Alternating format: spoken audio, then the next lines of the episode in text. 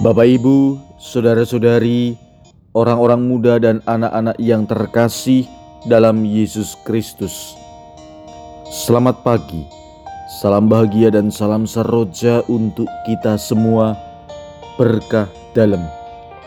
Bersama dengan saya, Romo Antonius Garbito Pamboaji, menyampaikan salam dan berkat Allah yang Maha Kuasa dalam nama Bapa dan Putra dan Roh Kudus. Amin. Marilah kita berdoa. Allah yang Maha Kuasa, semoga kami bersorak-sorai karena sukacita yang suci dan dengan gembira mengucap syukur.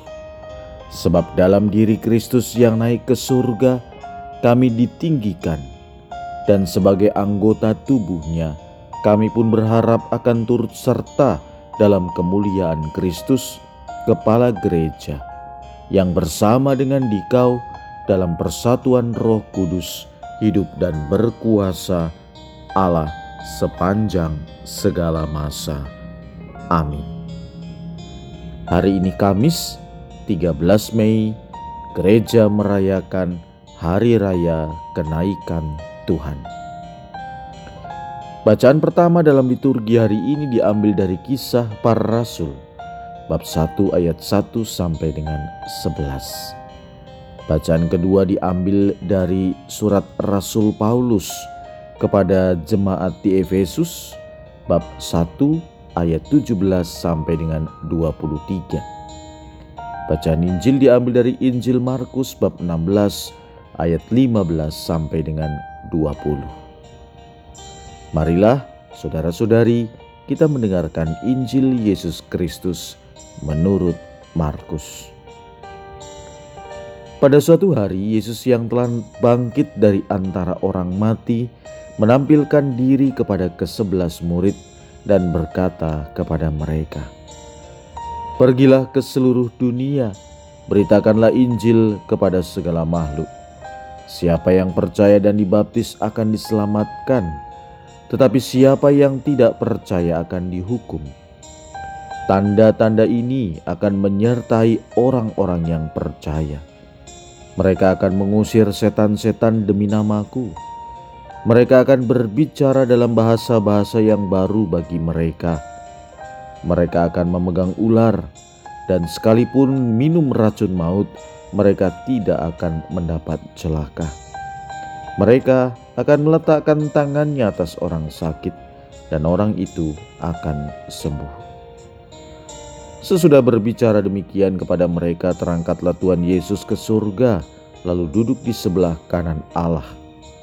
Maka pergilah para murid memberitakan Injil ke segala penjuru, dan Tuhan turut bekerja dan meneguhkan firman itu dengan tanda-tanda yang menyertainya. Demikianlah sabda Tuhan, terpujilah Kristus. Bapak, ibu, saudara-saudari yang terkasih,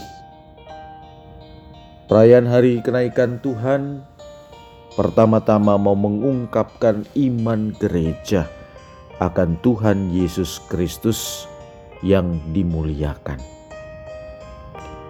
Ungkapan naik ke surga mau menunjukkan bahwa Yesus yang wafat dan bangkit kini dimuliakan ke tempat Allah. Ia duduk di sisi kanan Allah Bapa dan kepadanya diberi kuasa Allah sendiri atas surga dan bumi. Kenaikan Yesus bukan sebuah perpisahan bagi kita umatnya. Sebab Nyata bahwa ia tetap hadir, ada di tengah-tengah kita, namun tentu dalam bentuk yang berbeda. Yesus hadir di tengah kita dalam macam ragam cara dan bentuk. Saudara-saudari yang terkasih, yang kedua yang juga bisa kita renungkan, hari raya kenaikan Tuhan juga mau mengajak kita untuk menyadari bahwa Yesus yang taat pada Bapa dengan sengsara wafat dan kebangkitannya mengajak kita untuk melanjutkan misi Allah, untuk bersaksi dalam keterbukaan akan penyelenggaran Roh Kudus yang membimbing kita. Sabda Tuhan yang disajikan bagi kita hari ini mengajak kita untuk merenungkan beberapa hal.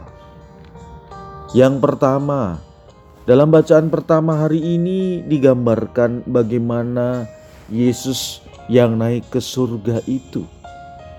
Dan juga kemudian bukan hanya membuat para murid takjub, tetapi mereka berdiri dan kemudian bersaksi. Dalam bacaan kedua, Rasul Paulus meneguhkan bahwa hendaknya peristiwa ini dimaknai sebagai harapan bahwa ia akan kembali dan menyertai perjalanan kita. Kita diajak untuk berdiri dan bersaksi bahwa kita adalah satu tubuh dan satu roh.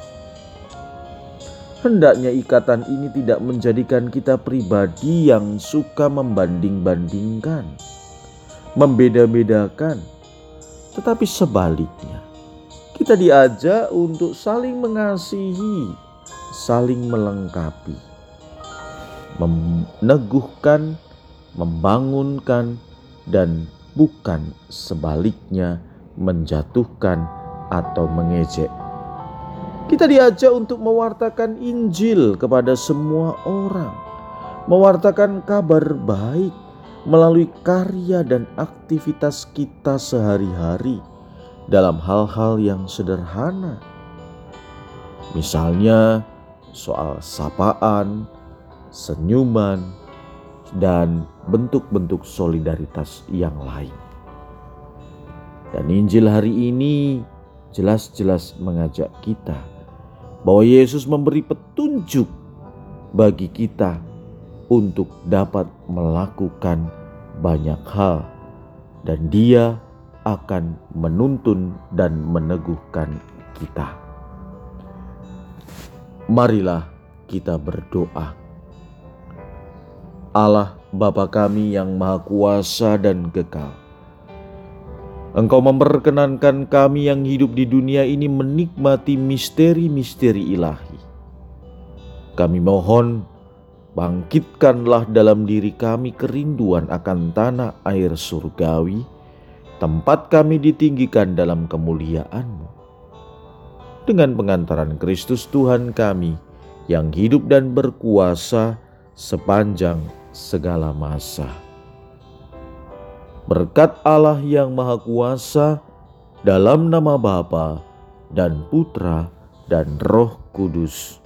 Amin.